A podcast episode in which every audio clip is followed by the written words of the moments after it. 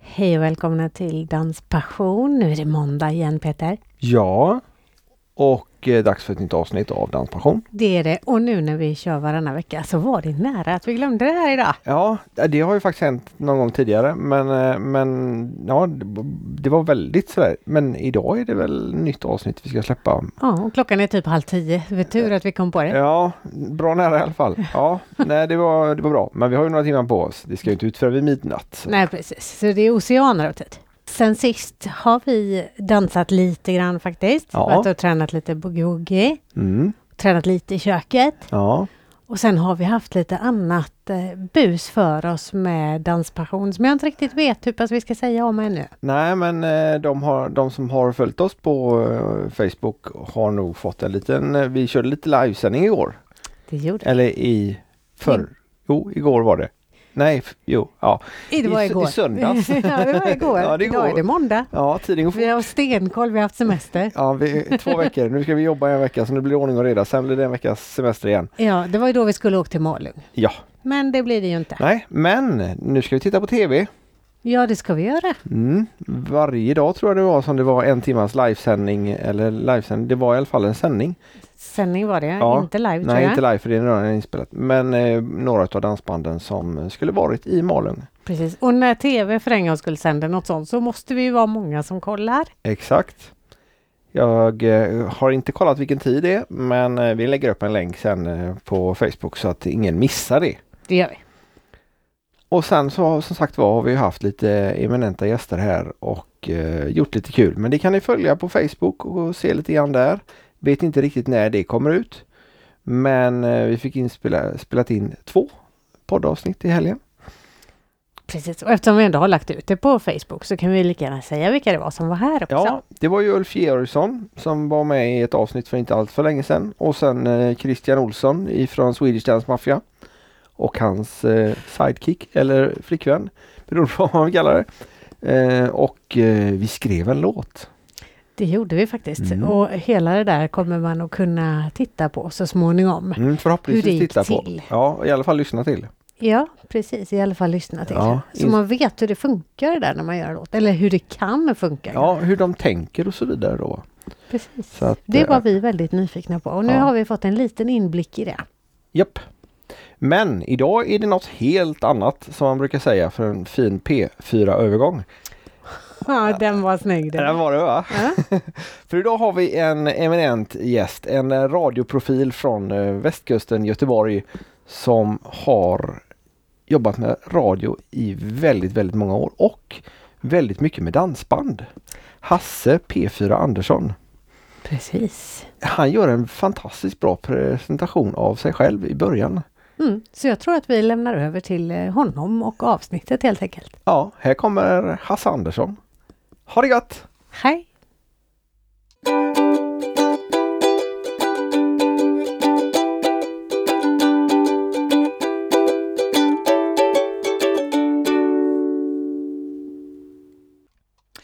Ja, hej och välkomna ska ni vara till det här programmet eh, Danspassion. Eh, och eh, idag så gästas vi av en person som varit inom den här dansbandssvängen i många, många år. Han har jobbat på radion i 42 år och hållit på med dansband i närmare 30 år.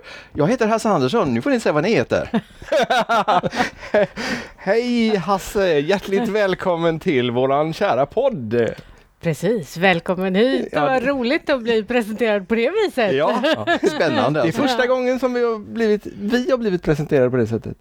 Ja. Ja. Men säkert inte den sista. Tror du inte det? Nej, Nej men du kanske kommer komma tillbaka. ja, jag menar det.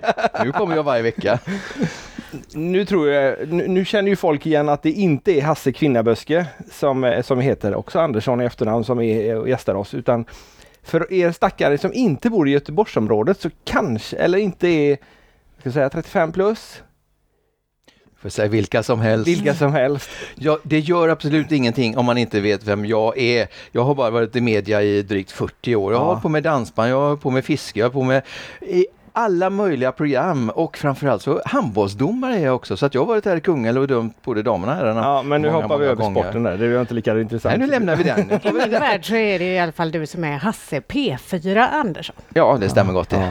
Hur kommer det sig att man får liksom P4 emellan namnen på det sättet? Ja, Man lägger till det själv egentligen eftersom det är så många som heter då Hasse Andersson. Det var någon som tyckte jag skulle heta Hasse P Andersson, men varför då? Jag jobbar ju på P4 här då. Så därför har jag, när jag spelar mina spel så blir det Hasse P4 Andersson och då vet de vem det är här då. Så att, eh, ja. Och som sagt var, jag jobbat där, jag började 76 som praktikant där på radion. Och så började jag anställa, fast anställning 79. Och nu blir de inte av med mig, tror jag, förrän går i pension. Men de jobbar på det eller vad menar du? Nej, jag är, jag är förändringsbar så att jag tar nya uppgifter. Ja, ja. Och idag har du varit ute på Tjörn och intervjuat. Jajamensan, det är så här att vi har ju eh, varje tisdag och torsdag, P och jag, vi åker runt i våra kranskommuner, det vill säga att eh, de olika runt omkring. Och idag var det Tjörns tur. Och då är det så att då får folk ge tips eftersom man ska hemestra nu. Då får de ringa in, de får mejla in, gå in på Instagram eller Facebook vad de tycker att vi ska uppmärksamma. Så idag när jag gick och la mig igår så hade jag ingen aning- om vad jag skulle göra idag. Eh, när jag vaknade i morse så gick jag upp klockan fem och så tittade jag på Facebook. Ah, Sundsby säteri, det kan vara en bra början på tänkte jag. Så jag tog och åkte dit, vinst och förlust. Tio minuter innan sändningen så kom jag fram till stället och eh, frågade, är det någon som kan berätta lite grann om det här? Alla var livrädda, men så fanns det en, Joakim, som eh, vänner som var trädgårdsmästare. Han ställde upp och berättade, så blev det två stycken ingångar där. Under den tiden så ringde folk in och önskade sig andra ställen dit man, dit man skulle åka till. Vad hade du gjort om ingen vågade fråga, svara på dina frågor? Ja, det gör det. får man ställa, får man svara själv. det är så man ska Problemet jobba. löst. Ja, ja, ja, ja. Men är, det, är, det, är folk lätta att få med annars? Ja, ja.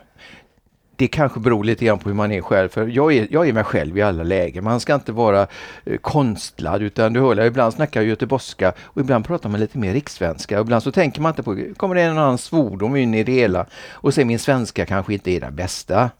Men då förstår folk vad man säger. Ja, för, för, ja, den här rösten känner man ju igen sen, sen ja, jag är född 70 så att sen, sen jag var liten skit då. Ja. Men, men jag, då fanns ju inte eh, sociala medier och eh, jobbar man på P4 i Göteborg så var man kanske inte med i tidningen lika mycket som om man är med på TV heller. Nej. Så jag har ju inte haft ett ansikte på dig förrän kanske för Men ändå typ tio år världskänd sedan. i Ja, men hela precis. Ja. Sverige alla fall. Hur, hur känns det liksom? Alltså, det är ju det som är så skoj, för var man än kommer, ska jag säga, så fort jag öppnar munnen så säger jag, men du, det väl du Hasse på P4 va? Är det så du ser ut? Ja, du, jag kan inte hjälpa mig. Morsan och farsan gjorde så här, resultatet, sa jag då. Det blir bara så. Idag bland annat, jag var på den här eh, eh, loppis på, i ladan ute vid eh, Rönnäng. Mm. Och då kom eh, hans mamma ut som jobbar också och hjälpte till här då. Alltså är det så det ser ut Hasse? Jag har alltid undrat det. Ja du, så. Det, är det. Som sagt var, det är Jo men jag måste berätta en sak till. Alltså det är inte bara Göteborg då utan även utomlands. Vi brukar alltid åka till eh, Thailand. Jag och min fru har gjort det i 19 år. Min fru och jag säger jag. Och vi åkte till ett litet ställe. Vi låg på en ö. Det var inte mycket folk som låg där. Solade. Då gick det ett par förbi här då så sa jag väl någonting och så stannade de till här och så sa jag Ursäkta, är det du Hasse som jobbar på radion i Göteborg? Ja, så, så. Ja, vi bor i Sävedalen. Du har dömt våran son i handboll också. Tänkte jag, "Ja, nu ska jag inte säga någonting mer. Och hon, hon, eh, din kära fru då, är liksom bara i bakgrunden hela Nej, tiden? hon är, hon är, fra, hon är fronten hela tiden. Ja, okej. Det är jag som gömmer mig bakom henne. Ah, jag anar en viss glimt i ögat där. Så det. Men grejen är den, vi har ju alltid gjort saker och ting tillsammans. Vi har varit gifta i 39 år nu till just. Och eh, alltid när jag var ute och körde om det här i aftondansen då, då fick hon alltid följa med och även mina barn som nu är då 39 och 40. säg, säg nu rätt. Ja, ja, för Linda bor här i Kungälv. Så att, eh, ja. Men vad är, vi kan ju, Hon eftersom, är nog inte den blyga sorten frun heller om jag minns rätt. Jag har ju inte träffat henne. Nej. Jag har bara Du har träffat, träffat henne va? Mm. Mm. Det har jag. Jag har träffat din bror. Det är lite, lite grann Ja. eh, hans Han är lite tjötigare än vad jag är. Är han det? Ja, för de som inte har hört honom prata. Mikael. Mikael ja, Ja. lillebror. Jo, han, han, eh, han är duktig på att hålla lådan också. Ja. Eh, Skillnaden mellan han och mig är att han tjänar pengar på när han pratar mycket för han, han är ju säljare. ja. Och jag får ju lyssna lite grann också eftersom jag är radiopratare. Men då kanske viktigt. du lär dig mer. Ja, det är mycket möjligt. Lite andra. Men, men eh, jo, vi återgår till, vi håller på med dans i den här podden. Och du sa eh, i aftondans. Mm. Berätta för de som inte hade äran och möjligheten att lyssna. Vad var detta för någonting? Alltså, för det finns ju inte Ett längre. program tyvärr. som eh, startade i mitten på 80-talet och eh, Toles var det första bandet som var med och spelade in i det. Eh, Man kom på att dansmusik det är någonting som eh, det svenska folket till stor del älskar tycker om. Det var tradition, man gick ut och dansade på olika ställen. Folkparker, Fagerfjäll, ja, Kungensparken, allting sånt där då. Och då ska de få chans att göra det hemma.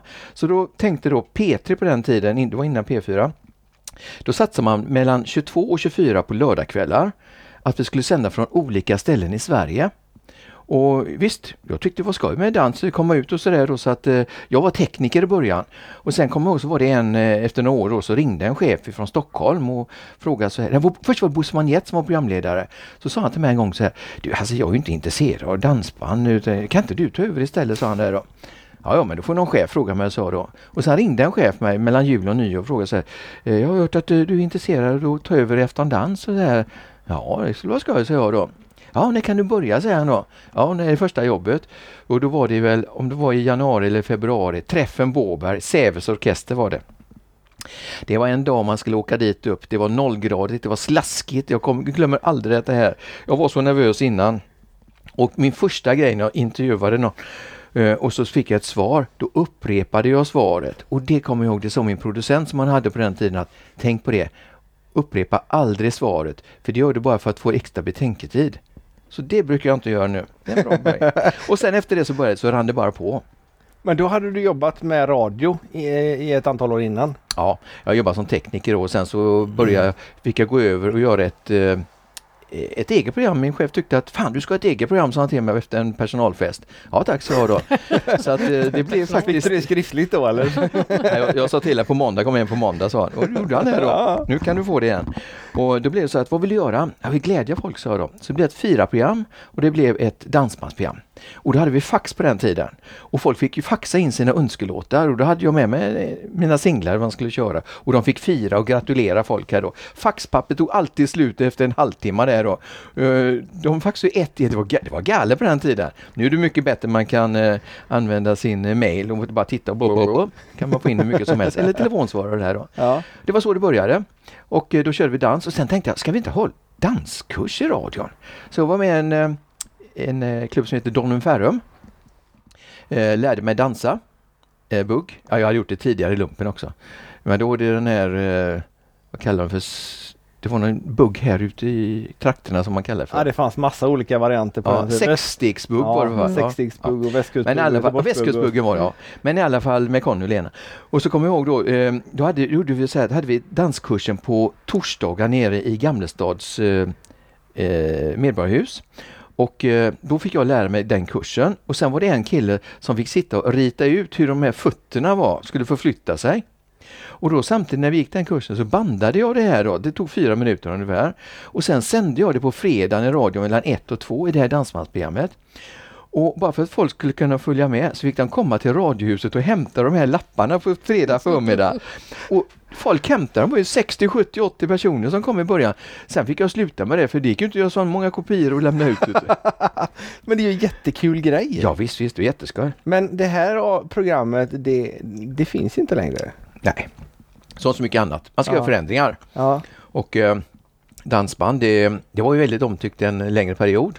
Och även eh, i Afton då, då kom man på att nej, vi gör väl en digitalradio där istället. Där. Jag vet inte om det var billigare eller om det var mer flashigare eller modernare. Så då tog man så la man ner det här i, i Afton Dans. Men eh, jag fick fortsätta med mitt program på fredagar som då hette, gick ut till Får jag lov? Just det. Och eh, jag kommer ihåg att eh, jag fick ett, par, ett gäng tröjor. För det var nämligen så Algot och Vilgot, eller ja, Reine Mm. Svensson här. Han ringde och frågade, har du inga priser? Du har, de fick någon skiva eller så här. Har du inga tröjor att lämna ut? Nej, så jag, det har jag inte. Jag har ingen ekonomi här. Det. Och rätt som det var så stod det en låda med hundra tröjor tryckta. Får jag lov och två dansande par här. Som han hade tryckt upp hos eh, ett tryckeri här i Kungälv. Vad kul. Ja, så det fick jag dela ut och jag har några sådana tröjor kvar liggande som, som minne bara. För det var attraktiva saker. Folk ville ha dem och nej, man måste prestera för att få dem. Det är jättekul och jag minns eh, det var väldigt eh, många olika ehm, sessioner som, som du har haft under åren, bland annat som du nämnde fiske. Mhm. Det vet jag att jag satt och, och, och dreglade över och ni var i Delsjön och ni var här och ni var där. Och, och, men sånt är också borta. Ja, det är så att nytänkande är att man ska göra direktradio och man ska inte ha några kategoriprogram sades det för nå- något år sedan när man la ner det. Nu har man kommit tillbaka till det igen. Vi har ju bilprogrammen, vi har motormull, det. vi har veterinären som vi också hade. Just Det är tillbaks igen. Det var ju matprogrammet som också hade det. är tillbaks igen. Mats Nordström och andra som är här. Så att man märker väl det, det går i cyklar. Eh, Det är snart dags för dansband igen nu då? Ja, men jag tror inte det blir från min sida. Nej, okej. Eh, nu har ju Thomas Deutgen fått lägga ner sitt eh, riksprogram också om dansen. Så vi får väl se vad som händer framöver. Ja, ingenting är osagt ska vi säga, om jag säger så då. Men på tal om det här andra programmet, som du säger, jag hade ju fiskeprogram och det var ju det var väldigt populärt och inte bara bland fiskare utan bland damer i medelåldern. De satt på stadsbyggnadskontoret och satt och lyssnade på det här. Så Christian Pedersen kommer jag ihåg som var ordförande i Sportfiskarna här och han sa du får sluta med programmet för de, vi får inget gjort under en halvtimme du sänder. De ska bara lyssna på radio hela tiden. och då hade man nått rätt publik tycker jag. För vi hade också veckans fiskare.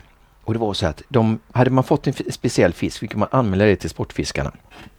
Och det var väldigt många. Det var Charlie Malmgren på Sportfiskarna som fick plocka ut den. Och ett, en gång kom jag ihåg, var det en som hade fått en ål i Kåsjön. Är ni beredda att höra på någonting? Vad har ni för lyssnare förresten? Alla möjliga. Ja, det är bra.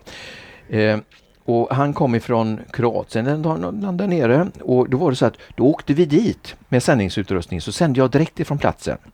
Och så sa jag så här, ja välkomna ska ni vara till dagens fiskeliv och idag sänder vi alltså direkt ifrån Kåsjön. Och han som har blivit eh, veckans fiskare det är Marek eh, Dorjevic. Du kan väl berätta lite grann eh, om den här händelsen som hände för dig?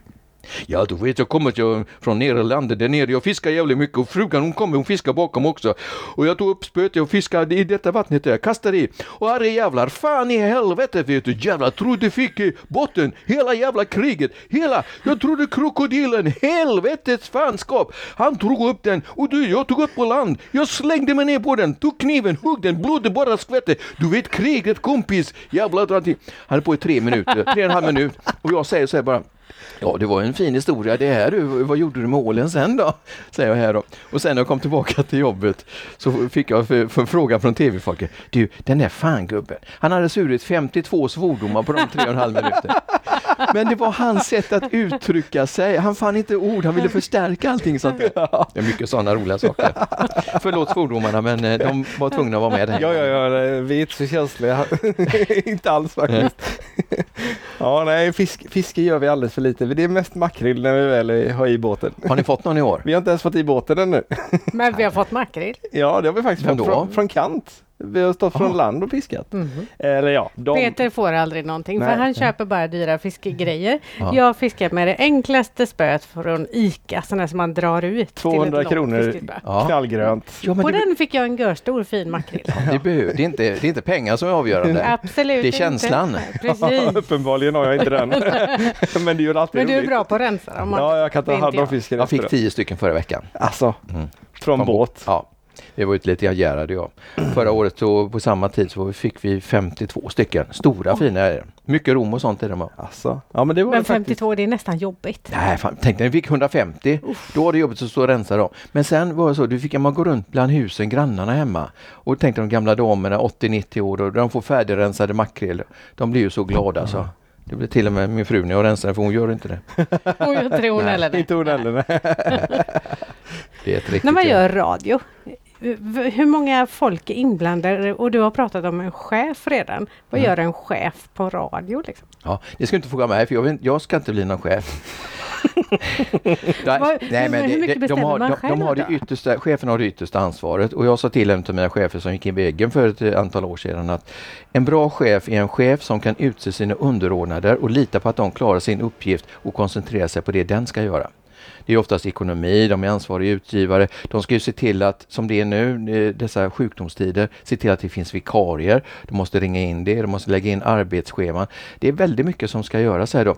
Men sen är det ju eh, producenten under det som, på de olika programmen då, som arbetar med vad ska programmet innehålla exempelvis. Nu när jag kom tillbaka eh, från eh, eh, Tjörn så tänkte jag nu gott, nu kan jag åka hem och byta kläder och åka hit. Och, Nej, då fick jag ett mejl här då. Du kan åka till Biskopsgården för nu startar man en basketturnering där. Där barnen ska både spela basket och, och, lära sig läsa läxan. Och det är en satsning som, som man gör på ungdomsgårdarna. Man är uppe i gårdarna. Polisen satsar, Göteborgs stad är med och satsar på detta. Här. Och man har gjort det två år tidigare och man har märkt att kriminaliteten i området runt Friskvärdstorget har sjunkit enormt mycket. Mm. Beror på att ungdomarna satsar på idrott och eh, kan lära sig andra saker. Det är fantastiskt. Ja. Så att eh, allt är inte planerat utan jag är ju sån här, jag hoppar upp på studsen här brukar jag säga att ring mig var jag är någonstans och hoppar ut och gör det här. Så imorgon ska jag vara med och såg jag nu när jag åkte hit. Eh, vi ska, vi, Göteborg fyller 400 år nästa år men imorgon ska man fira i Fiskhamnen om den 410 år tror jag det är. Uh, och då är det invigningstal och sådana saker. Och frågan, kan du åka dit och sända ifrån halv, halv elva imorgon? Ja visst, ja, det kan jag, inga problem. Så det kan, gjorde jag. Du, jag måste bara berätta. Jag var med för tio år sedan och, när man gjorde lite sådana här konferencierjobb. Och då var det eh, Fiskhamnen fyllde 100 år. Och då skulle jag vara med och hålla i detta här. Vi hade Lotta Engbergs orkester, vi hade lite annat folk där och Göran Johansson, han skulle ta och inviga det hela. Eh, våran store man här i Göteborg tidigare, för de som inte känner till det, bodde i Kortedala. Bodde i Kortedala, inte långt ifrån mig. Vi stod på scenen, han höll invigningstalet eh, och så eh, tittade han på mig. Ja, jag var klar, sa han. Nej, Göran, så jag. Du tänkte på en sak. Jag, jag har haft möjligheten att sjunga allsång med Jessica Andersson och många, många andra stora artister, till och med de största artisterna. Jag har hållit allsång på Bohus fästning och sådana här saker och många andra ställen också. Men vi från Korta, vi har aldrig sjungit tillsammans du och jag, säger jag då. Och då ser jag bara hans ögon. Det var 30 000 framför oss i Fiskhamn, kan jag tänka dig. Och de höll annan. Ja, vad ska vi sjunga, säger han då. Han visste att jag, jag kan ta en sådär. Ja, vad vill jag, jag tar fram en låt, så jag. Du är välkommen till Göteborg. Och det kom upp en stor bildskärm där och jag har tagit med tv-killarna där då. Eh, ja men jag har en mikrofon säger han då. Jag har en till dig också så jag då. Så han fick en mikrofon trådlös också. Nu går vi ner bland folket och sjunger så jag då. Och så vi sjöng och han, han ner med mikrofonen och började sjunga. Det, och det gick ju jättebra. Och så efter allt var klart där och stora applåder. Och kommer jag ihåg så gick jag fram och sa till honom så här. Göran, tänk dig nu. Nu kan du lägga detta till ett CV också. Att nu har du sjungit allsång med Hasse Andersson. Så jag vet nu går vi upp på scenen. Nej, nej, fan det var skoj det. Så nu tar vi ett par låtar till. Så vi drog tre låtar till där nere. Vad roligt. Ja, uppskattar för det också. Han gick bort alldeles för tidigt. Tre, ja. Jättetrevlig man som man kunde prata med på fritiden också. Ja. Men apropå allsång som du sa att du har haft det på Bohus fästning. Mm. Eh, hur, hur kom du in på det? Det var faktiskt första gången det var Svicky som eh, han bokade artister till Flundsåsparken det är säkert 20 år sedan eller jag tittar på mina fakturor. ja, 20-25 år sedan. Och eh, det var familjeunderhållning tisdagskvällar. Eh, mer äldre men man fick in lite yngre folk och sånt också. Så skulle man ha programledare. Och så hade han hört mig sjunga någonting på radion, bara lite plöjigt sådär då. Fan jag kan inte sjunga så sluta nu. Jo, jo men du, det är så det ska vara. Då brukar jag köra med att när jag kan sjunga så kan alla sjunga. Då ska man inte vara rädd för det hela. Så att eh, Vissa körde det och sen eh, gick det några år och så hörde Stefan Brunzell av sig då. Mm. Eh, han och Peter som var med i Friends tidigare. Där nu min, numera min svärson var med också, Tony Haglund. så vi kände varandra allihopa där då. Så frågade om jag ville vara med och hålla i det. Inte hålla utan vara, vara som allsångsledare. Ja visst, det kan jag göra. Så det höll väl i en tio år där tror jag. Ja. Och vi hade de största artisterna. Vet du. Det som TV4 och SVT hade, eh, deras toppnamn, det hade vi på eh, nästa vecka då på en torsdag där då, för han kände ju alla artisterna och den torsdag var det inte uppbokade så mycket. Så vi fick de största artisterna till eh, fästningen. Och det skulle varit nu igen faktiskt. Ja. Näst, nästa torsdag skulle det varit. Men eh, fick ställa in det på grund av eh, Corona. Ja, vad tråkigt. Ja. Det hade nog kunnat bli jättepopulärt ja, ja, igen. Och där måste jag säga, där fick jag mitt genombrott som sångare. Har ni hört Fantomen med Striplers? Ja. Låten menar du? Ja. ja. ja. Är det någonting som sitter väl på näthinnan eller? Uh, no, ja, jag, jag, jag sjunger alltid jag kan den sjunga som med när, Kan du det då? Jag kan sjunga med när den kommer men jag tänker inte göra det nu för nu spelas det in. nu, nu, du har väl någon gång läst i tidningen om en seriefigur som bor i en grotta i djungeln bland Afrikas vilda djur. Men om det skulle bli något bråk någon gång då hör man djungelns välkända sång. Kommer hit Fantomen, det är bråttom skynda på. Kom hit Fantomen, ta din mask och din trikå. Han har en egen brud där i djungeln, Diana är hennes namn. Och hon går ut med det väl i månens sken och ger Fantomen sin famn. Men om hon skulle sakna sin karl någon gång så sjunger hon sin välkända sång. Kom hit Fantomen, det är bråttom skynda på. Kom hit Fantomen, ta din mask och din trikå. Och sen är det mellanspel. Du, du, du, du, du. Du, du, du, du, du. Ibland så tar han fram sin söndagstrikå och går på något partaj. Och dödskalleringen den har han på ifall det skulle bli något vaj. Men just när det ska bli hålligång så hör man djungelns välkända sång. Då sjöng alla med Kom hit Fantomen, det är bråttom skynda på. Kom hit Fantomen, ta din mask och din trikå. Och en gång till. Kom hit Fantomen, det är bråttom skynda på. Kom hit Fantomen, ta din mask och din trikå. Och så kommer det igen. Du, du, du, du, du, synten. Du, du, du, du, du. Och på tredje gången. Jag är den vandrande vålnaden och jag kan aldrig dö. Den du! Jag skulle sjunga den på Allsången Striplets var där. Sångare Ove Pilebo. Han var så nervös inför den här grejen för att han skulle, han kunde inte texten vet du. Men ja, jag Han hjälpte honom där då. Nej, Nej. han har bara sjungit den en eller två gånger sa han. Det är på skiva någon gång utan. Jaha. Men den brukar jag köra ut ibland så att, eh, ja det är skönt.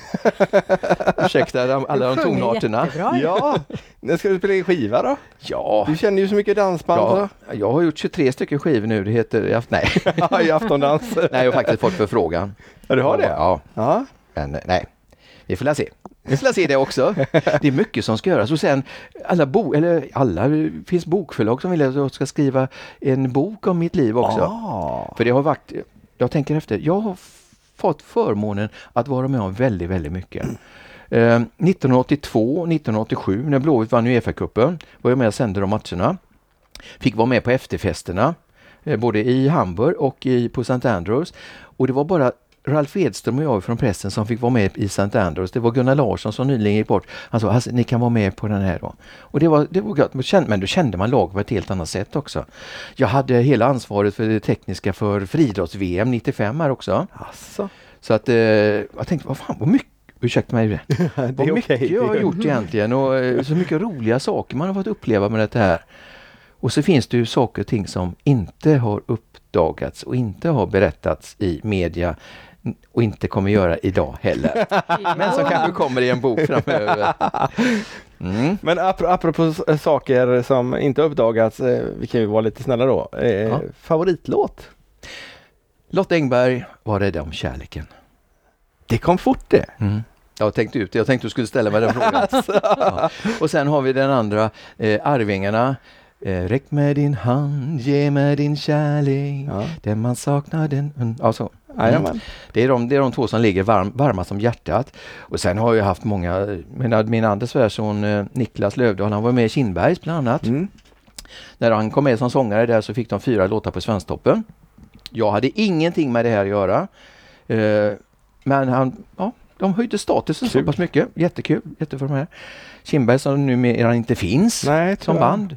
Det är många orkestrar som har eh, lagt ner, ska Ja. jag säga. Men jag har, efter, i det efterdans, man har haft möjligheten att få jobba med många. Eh, vet du vem Tiffany var? Ja, det vet jag. Okej, Märkligt. konstigt va? Det var första gången de skulle vara med i programmet i Afton Dans ifrån Herrljunga. Och eh, jag hade aldrig träffat killarna förut. Vi var där i god tid och sådär och skulle soundchecka vid tre, fyra. nå- Men eh, de dök inte upp. Jag tänkte, fan måste få ta på killarna här då. Så jag tror vid femtiden så dök de upp. Då hade deras eh, turnébuss skurit, gått sönder. Så de har fått ringa en taxi, en sån här stor taxibuss som kom med utrustning runt om också. Ja, men det var ju i alla fall giltig anledning. Ja, det var giltig anledning. Och sen med den gruppen så hade man haft lite andra roliga saker. Och de var med i dansbands uppe i Sunne. Och då bara för att vi skulle göra något annorlunda, Thomas Olofsson och jag. Han är också en sån här, ni som känner honom, ni vet vad han är för spelevink. Och ni som inte känner honom har säkert hört talas om honom, vad han är för spelevink. Så vi beslutade att vi skulle sitta och göra intervjun i bastun. Och då körde vi med dambastun. Uppe i, uppe i eh, Sunne på Selma Lagerlöfs. Men i själva verket så var vi herrbastun. okej. Det lät ju bättre. Ja. Så att, eh, ja, och det gick ju så bra. De kom väl tvåa där uppe tror jag i dansbands där uppe. Sen är det en annan, annan orkester som jag har väldigt mycket att göra med, det är Striplers. Ja. Eh, bland annat körde vi ett ATM med Arvingarna Striplers och Flamingo Och ifrån... AT, ja just det, ATM betyder alla tiders nonstop. Ja, precis. Och eh, de körde ju då på eh, Vattenfestivalen i eh, Svanesund. Ja. Och då kommer jag ihåg att då skulle jag, eftersom vi var tekniker också på den tiden här då, så skulle jag köra ett Svensktoppen på lördag förmiddag. Jag hade Kent Finell, han ringde och frågade om han kunde hjälpa till. Ja, visst kan jag göra. Skulle Striplers vara eh, liveband. Och jag var där dagen innan och testade och funkar ledningarna, ISDN-ledningar som Televerket kopplade upp. På morgonen kommer det klockan åtta, ska koppla in, ingen kontakt. Vad i helsike är det här? Då kollade vi, då fick jag ringa runt och det kom ju folk från alla olika håll. Då hittade de, det var kabeln avklippt på fem olika ställen. Bland annat utanför ett hus där en utav herrarna som var motståndare till den här, till den här vattenfestivalen, att inte den skulle genomföras. Utanför hans hus såg var det avklippt på tre olika ställen. Jag säger inte vem som har gjort det, det vet vi inte ännu. Men de lyckades laga det här. Så när klockan är kvart i tolv så säger Kent Finell så här.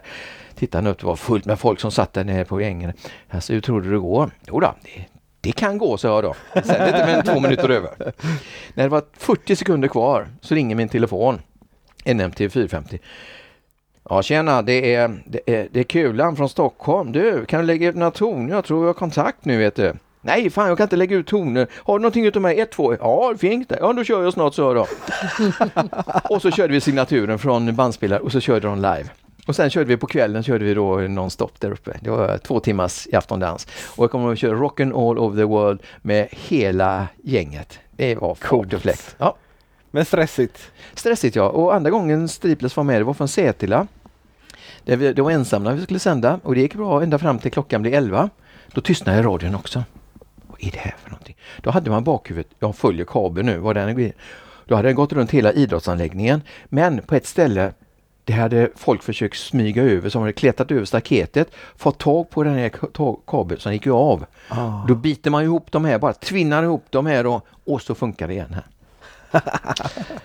det var den gamla goda tekniken, så får du inte göra nu. Nu går allting, men vad är det för utrustning? Du, nu går allting via nätet, eh, luften liksom. Mm. Men, men vad är det för utrustning du har med dig när du åker runt eh, och intervjuar? Jag har med mig min mobiltelefon, Enbart? en iPhone får jag lov att säga, den här kanalen. Eh, Ja, det får du. Och eh, den kan jag sända från allting. Men när vi gör de stora sändningarna så har vi en väska som vi kallar det för och det inne- innefattar fem stycken olika simkort. Eh, på olika stationer. Tele2 och Telia. Te- Om någon skulle ligga ner så ska vi kunna komma ut och sända i alla fall. Ah. För vi är en nödkanal så vi måste kunna, sända, kunna komma och sända ut. Men då har du någon specialmick som du har till din telefon? Eh, nej, det finns det men den är så pass bra den. Däremot har vi ett puffskydd som vi har här. Som låter som om man hostade det. Man, lä- man sätter på det och kvaliteten är i stort sett linjärt med en M-duchetta som kostar 5 6 7 tusen kronor. Jösses. Jag tar lite mer dricka. Ja, gör det. du helt Jag ska rätt. köra hem idag på det här, undrar hur det ska gå. Det blir inte lätt. Det är ju inte, det är inte ens light, eller? Jo, det är det faktiskt. Det är det, ja. ja. ja det var gott. Ja, det kan behövas för det är varmt och gott. Och är det så att ni hör massa oljud så beror det på att vi har öppet lite fönster ut och det är en väg ganska nära. Så det kommer en annan motorcykel och väsande moped och lite sånt där. Men det får vi ta. Men den här cruisingen, den, den har de slutat med nu va? Den var för ett par veckor sedan Ja, det var ju faktiskt nästan cruising ändå även om inte det var... Det eh, fanns inga var arrangörer men de mycket körde i bilar. alla fall. Det var mycket Mm. bilar men inga arrangörer. Precis. Nej. Vi var allt nere och kollade läget också. Ja. Mest för att ha koll på sonen så att han håller sig lugn. Ja, har ni på traktor eller? Nej, men han vill gärna ha. Han har en mopedbil som just nu står på verkstad. Ja, det kan jag tänka mig. Min svärson som bor där också, han är 15 också, moped. Han vill också ha en. Morfar, han är godvit så säger han Morfar, kan inte jag få låna 25 000 utav dig? Jag ska köpa en, en EPA-traktor. Du får tillbaka den sen när jag ska sälja den. Då kan du ge den till Kasper, det är det andra barnbarnet, han heter yngre. Ja, Ja ja. men det Det var ju är... kreativ Ja, lösning. Ja, fall. jättebra. Men det, nu ska vi säga, han, han är så duktig. Han jobbar, han jobbar hela sommaren. Han jobbar på fisken här i Kungälv och så jobbar han på Alleby och sköter hästar och sånt där också. Så att Mm. det är väldigt viktigt att barn, att de får göra någonting för att kunna få någonting. Tycker Mm. jag. Det har jag alltid fått lära mig. Frågan är hur man får dem att göra någonting. Och hur man får jobb till dem. Det är ju Ja, inte just nu, helt just nu kanske det är lite svårt. Ja men kunna göra, alltså bara hjälp till med disken, det ska man göra i alla fall egentligen. Mm, mm. Eller något annat. Du kan hjälpa till att klippa gräsmattan eller så de känner att de får göra någonting. För det har jag fått göra. Andra årskursen i skolan sålde jag ägg och potatis. Jag tjänade 3-4 kronor i veckan på sälja på, på de grejerna. Sen gick jag ut med flygblad, delade ut det. Fick jag 40 kronor, delade ut 1000 flygblad. Du kan tänka dig, det tog fyra timmar att dela ut dem.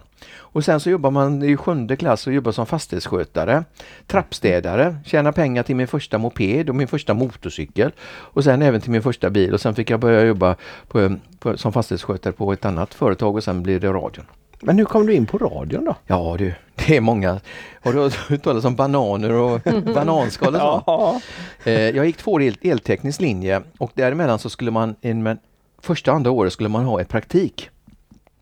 Och jag tänkte, vad vill jag göra för någonting? Spela flipper är kul, jag kan bli flipperspelare tänkte jag, eller laga flipperspel. Men så var jag ju diskjockey också. Jaha. Så eh, sa jag det då. De hade sökt på, på Arbetsförmedlingen, första och enda gången jag var på Arbetsförmedlingen, hoppas det också var den sista. Eh, vad är du intresserad av? Ja, ljud, så jag. Ja, vi har ju en på Sveriges Radio här, de söker en praktikant. Då var det jag och Irene Odén, den enda tjejen i klassen som skulle gå dit. Och då var det skilda tider, då var det bara mansdominerat så att då fick ju hon det bara för att hon var kvinna, det sa de öppet också. Mm. Eh, men så säger, sa chefen, alltså, hörru, jag, jag tycker du verkar vara en schysst typ. Alltså, är du intresserad av ljud eller? Ja, sa så. Ja, de har haft i Stockholm med en praktikant eh, förra året och det gick väl ut. Annars är utbildningen rätt lång så här. Och skulle du kunna tänka dig att du får det och det i lön här nu då så höjer vi det efter så så många månader här då, praktiklön. Ja, så, ja visst sa jag då. Så jag fick det och det gick så pass bra. De var så nöjda med mig och jag gjorde det jag kunde och sen efter det ett år skola så gjorde jag lumpen och sen så skulle jag söka på jobbet på radion igen. Men då hörde lokalradion av sig. För det var, de hade ju börjat då. Och då ville de ha mig som eh, fast tekniker. Och den dagen jag skulle åka ner till dem, för att då hade Rikse sagt att du kan inte få börja här för att du, då blir du inlasad och det får godkänt inte facket. Jag skulle åka till eh, chefen på lokalradion. Klockan nio skulle jag vara där. Klockan fem över åtta ringer telefonen. Då var det högste chefen på Sveriges Radio i Göteborg, Svenne Nord. Han säger så här till mig, så här, ja tjena, du, jag hörde du skulle till, eh, börja på lokalradion, vill du verkligen det? Ja, jag vill ha ett arbete så, jag. Vill du inte börja jobba här då? Jo, det har ju varit det roligaste så, för det kan jag nu då, så här. Du, det är så att i mars nästa år så ska jag sluta här som chef. Och då ska jag bli säkerhetschef på SVT. Och då kommer Leffe Nordén som nu är med musiktekniker på radion. Han kommer inte att få min tjänst och då blir en tjänst ledig. Och vill du ha den så kan du få den. När det är det här sa de. Ja, mars nästa år. Och du, jag, jag, kan göra, jag kan göra ett vikariat fram till dess om du vill ha det. Så du har jobb fram till dess. Ja, men vad säger facket då? Jag skiter i vad facket säger, det är jag som bestämmer. Så här. Och det var sådana underbara ord, han är borta den chefen också så därför kan jag berätta det. Men det var så skönt, då tyckte man, då var man omtyckt och man kunde sitt arbete. Det var skönt. Kul! Ja, ja. Så där har du svaret och jag slank in då på radion. Ja, ja det är sån här lite bananskal, lite, Man lite tur och Ja, ja, tillfälligheter. visst, visst, visst. Ja.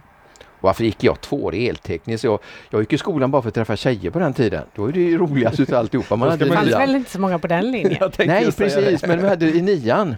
I Jesusskolan gick då sjuan, åttan, nian. Det var ju bara tjejer som fanns i huvudet här då. På den tiden. Det, var länge, det var länge sedan det du.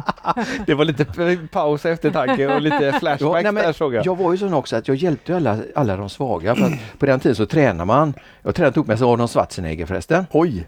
Uppe i Kortedalagymmet. Det är jag väldigt stolt över. En lördag han skulle vara med eh, mitten 70-talet och träna och tävla här i, på Konserthuset. Så gick han upp till Anton Pinek som hade Kortedalagymmet där då. Och då tränade jag där uppe också. Då tränar man fem dagar i veckan. Då såg man lite annorlunda ut. 20 kilo mindre och så 20 kilo mer muskler. Så. Eh, men i alla fall så eh, visade han hur man skulle göra magmusklerna. Man skulle ligga på rygg, man skulle ha böjda ben samtidigt som man gjorde sina situps och så skulle man trycka benen mot väggen. För då fick man både upp och ner till. Jag gjorde så, jag gjorde säkert fel så nu är det en stor kula istället. Så att, eh, Det är det jag har gjort. Så är det. ja. ja, det var den tråden. Vilken tråd var vi inne på förresten? Ingen aning, men vi har lite stödlista här, Ja. precis som vi pratade om från början. Ja. Och apropå stödlista, Ja. hur gör du när du får ett uppdrag sådär och inte är så förberedd? Kan du bara... Ja, Du är så van vid att intervjua så du behöver inga stödord ens längre. Jag, jag skriver alltid upp studier. Jag försöker så gott som det går att läsa på. Eh, namn och saker. Eh, vi försöker att, eh, nu har man varit med i så många år så man har nästan gjort allting några gånger tidigare. Eh, det svåraste är väl när man ska sätta, in, sätta sig in i nya situationer som förra veckan sa de till mig så här, du, eh, jag kom till jobbet, du kan du åka ner på en presskonferens? Ja visst, vad är det för presskonferenser? Ja det är för covid-19. De, eh, de, de håller på att berätta. Jaha, tänkte jag. Okej, okay jag kunde ju lite grann om det i alla fall. Men då skulle jag intervjua han eh, Leif Doterman som är, eh, han är från Folkhälsomyndigheten. Han är jättebra gubbe, han vet vad han talar om. Jag skulle intervjua högste chefen på Sahlgrenska, kvinnan. Eh, jag har tydligen träffat tidigare också och så någon annan här då. Men då var man med och lyssnade och man får ju alltid in någonting. Det finns alltid någonting i den här eh, flashminnet som man har, ingen databank där då. Man får plocka fram det i alla fall och sen ska man vara nyfiken. Exempelvis, jag har aldrig träffat dig tidigare. Du, vad jobbar du med egentligen? Jag säljer VA-material. Hur länge har du gjort det? Eh, åtta år ungefär. Är det ditt önskejobb egentligen? Nej. Ja. Hur mycket lägger du ner på dans annars då? Hur länge ska han hålla på så här tror du? Ja. men, men hela kroppsspråket ja. ändrar sig. Det var ja. jätteroligt att se. Det, ja. Då man, Absolut. Då gäller att man, man lite mer aggressiv. Man går fram och så agerar lite grann. Händerna är viktigt det här också. Så tittar man gärna ansiktet så här. Om det inte är en vacker kvinna för då vågar man inte titta i ansiktet nu för tiden nästan. Nej, för då blir man anmäld. ja, ja. Men oftast, de, de, de, de förstår oftast att man är, att man är den som man är. Man är förståelig i alla fall. Och varför vi kom in på detta här? Jo, det var det här med tjejerna i 8-9 där då. Att jag tränade rätt mycket och jag hjälpte alltid de svaga. Jag är en sån att jag har aldrig rökt en cigarett i hela mitt liv. Jag, jag sa att det är tunta som röker jag var lite starkare istället där och så om var det någon som var taskig mot någon i skolan så tog jag dem bara och skickade åt sidan så fick de hjälpa de här flickorna här. Och så att då, det har min fru berättat som gick på samma skola hur de här yngre flickorna tittade upp mot Stora Hans. Då. Hans och Hasse heter jag. Ja. ja. men så har det alltid varit. Man har alltid velat hjälpa till de som har varit i lite svagare situationer. Och det, så är det fortfarande. Ja. Men då, då, då kommer du till den intervjuoffret om man säger så, deras du försöker anpassa dig till vem du eh, träffar? Och... Första frågorna, vad, när, hur? Det vill man reda på. Ja. Hur kommer man hit? Vad ska man göra för att klara av det målet som man ska till? Vad, hur går man vidare med det hela här nu? Det är sista frågan brukar ofta säga. Hur går du vidare med det här nu? En svår situation hade jag i somras, våras. Eh, Utmarksskolan, en tragisk händelse. Eh, två elever under 15 år. Eh, råkar i dispyt. Den ene går hem, hämtar en kniv och mördar. Hur gör man då för att eh, berätta detta på ett bra sätt? Alltså, jag var vid skolan här, det är inte långt från mig. Jag kände på mig detta, det var det här då. Media fick inte komma in. Eh, rektorn han eh, tyckte att när eh, eleverna ska få lugn och ro. Då ringer en eh, ansvarig från eh, grundskolan som jag kände tidigare och sagt att, säger så här rektorn, den enda som får komma in det är Hasse i så fall och göra intervju med mig. Och det kände jag väldigt hedrande beroende på att jag hade uppmärksammat skolans arbete tidigare, hur man försökte uh, se positivt och hjälpa eleverna, inte bara vara som en igel när det är svarta rubriker Nej. utan även där då. Och då fick jag, sitter man då och pratar med honom i sex minuter, rektorn. Uh, och då får man ställa om de här frågorna, inte det här skjutningen utan exempelvis, du, vad, vad går det i ditt huvud när du fick reda på detta här nu? Låta personen prata till punkt, vänta några sekunder extra tills de får ta i lite grann. Du får gärna komma en och annan tår, det gör ingenting för det gör du på mig också när, jag, när man gör de här grejerna här. Då. Och sen sista frågan också, hur, hur går ni vidare med den här situationen nu? Och så berättar han det här då. Och det är, alltså det, det är inte mitt mitt ämne egentligen, säger man här då. Men jag gör allting nu. Och lika roligt som det är att göra roliga intervjuer, lika intressant är det att göra de här nära inpå-intervjuerna som då kan få en till att gallgråta själv, för det gör jag själv ibland också. Jätteviktigt att visa känslor. Ja, det är ju det är, det är väldigt spritt område då, det är skillnad från oss mm. som, eh, som bara, eller nästan bara pratar positivt. Vi har ju en och annan som vi kommer in på lite tråkiga saker, exempelvis nu med, med covid-19 som ställer till det för många dansband och liknande. Men det är ju inte, det är inte alls i närheten utav en sån grej. Det ställer till det för många dansmän men ställer också till det för många dansare som åker ut och många arrangörer, helheten av det hela. Mm. Och därför tycker jag att eh, vi ska uppmärksamma den här, det som händer vecka 29. Eh, SVT 1 har nu i eh, veckan varit och spelat in fem stycken olika program. Eh, och det är Martina Pettersson som är ansvarig utgivare i Göteborg som tog det här initiativet för hon var uppe i Malungveckan förra året. Vi Och- träffade henne då. Gjorde det? Mm. Ja. Hon, gjorde det på det. hon tyckte det var så, så positivt, så glädjande att se folk dansa och allting sånt där. Då. Så hon ville göra ett eh, program om det här. Så nu har man bandat till Striplers, Casanovas, Blenders, Martinez och Lars Christes som kommer att sändas vecka 29, måndag till fredag 18.30 till 19.30. Det kallas för Dansa hemma. Och då vill man att folk ska slänga ut möblerna och dansa hemma. Och så sa jag, vad härligt att TV kom på den här idén. För den hade vi redan för 30 år sedan i radion i Aftonbladet. ja, Ja, men det, vi ser fram emot att det ska komma tillbaks vi, även, även på, på radiomässigt. För jag, disku, jag har diskuterat med några stycken band att det borde ju kunna gå, för som det läget är nu så är det väldigt många band som livesänder Mm. via nätet. Och det är ju fantastiskt trevligt. Men man borde ju kunna vara med någon, göra någon typ av livesändning samtidigt som man har en riktig spelning också kanske. Och det var ju lite grann så som det var förut när du I Aftondansen, ja. i Aftondans när Ja. du höll i det. Och ni åkte runt till olika ställen och allt vad det nu var. det, man gjorde det. Dels fick ju bandet ett lite mer presentation och dels fick stället också visa upp sig lite grann då. På, och då var det viktigt att vi var från hela Sverige, från Malmö eller längst ner och så längst upp där då. Så vi hade delat upp det här och bandet fick bara vara med. Vissa A-banden fick vara med en gång om året, eh, de tio största tror jag det var. Men sen de andra fick vara med vartannat, var tredje år och så. Ja. Och sen så var det när du intervjuade och lite tjöt däremellan. Och, Det fick inte vara för långt tjat. Det vet jag, det är risk, risken var ju att det blev lite för långt tjat för folk vill ju dansa. De vill dansa här. ja, och- särskilt de som är på plats. Så var, ja, Men- precis. och vad man skulle kunna ha gjort då, det kanske man skulle kunna tagit en längre intervju eh, än varje timma där då. I pauserna kanske man kunde köra intervju i omklädningsrummet efteråt när Ja. de sitter, eller i Hur logen. kul är det, Mm. säger jag då. Ja, men jag tror det kan att vara det är rätt kul Ja. faktiskt. Vi, vi hade en diskussion eh, med, jag kommer inte ihåg vilket band det var, att det hade varit rätt kul, var Striplers faktiskt, Mm. att, eh, att hänga med dem emellan i pauserna och se vad, vad gör de egentligen på en paus? Eh, Sitter de där och Och jag spelar kan kort säga eller? det, det är väldigt stor skillnad vad de gjorde på 70-talet. Det- Eh, många av de banden och vad de gör nu. Det är det va? Får vi höra. Ja, jag var inte med på den tiden. Det ser ut som jag- du har en jag har viss bara- aning. Jag har bara hört talas om det här. Då. Jag tror att man var väl inte riktigt så rädd om sitt rykte som dansband på den tiden i pauserna och sånt där också. Som man är nu. För nu får, gäller att man sköter sig.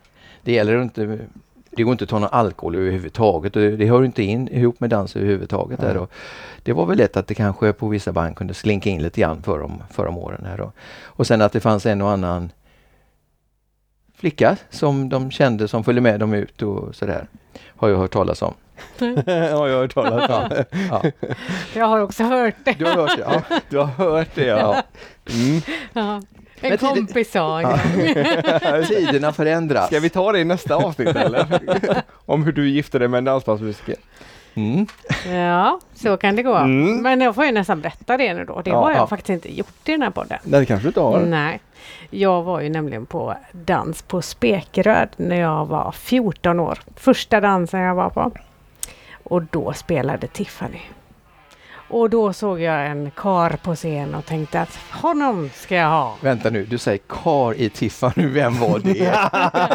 Jag var 14, han var 24. Okej, För mig var det en kar. ja. Ja, vad hette han?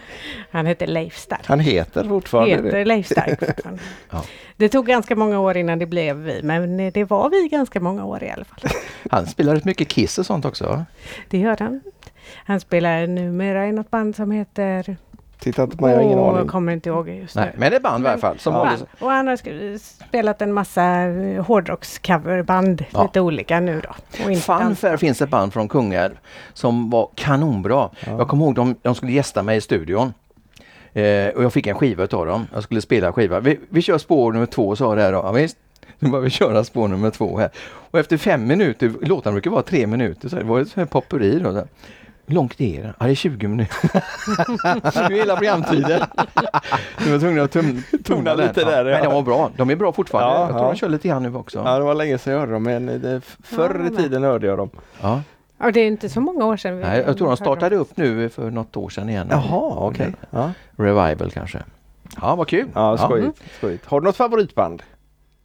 Eh, Nu är det känsliga frågor där. ja, det har jag. Du har det? Ja. Eh, jag har flera och de är Göteborgsband allihopa. Men några som ligger jättemycket varmt om hjärtat det är ju eh, Arvingarna. Ja. 30 år.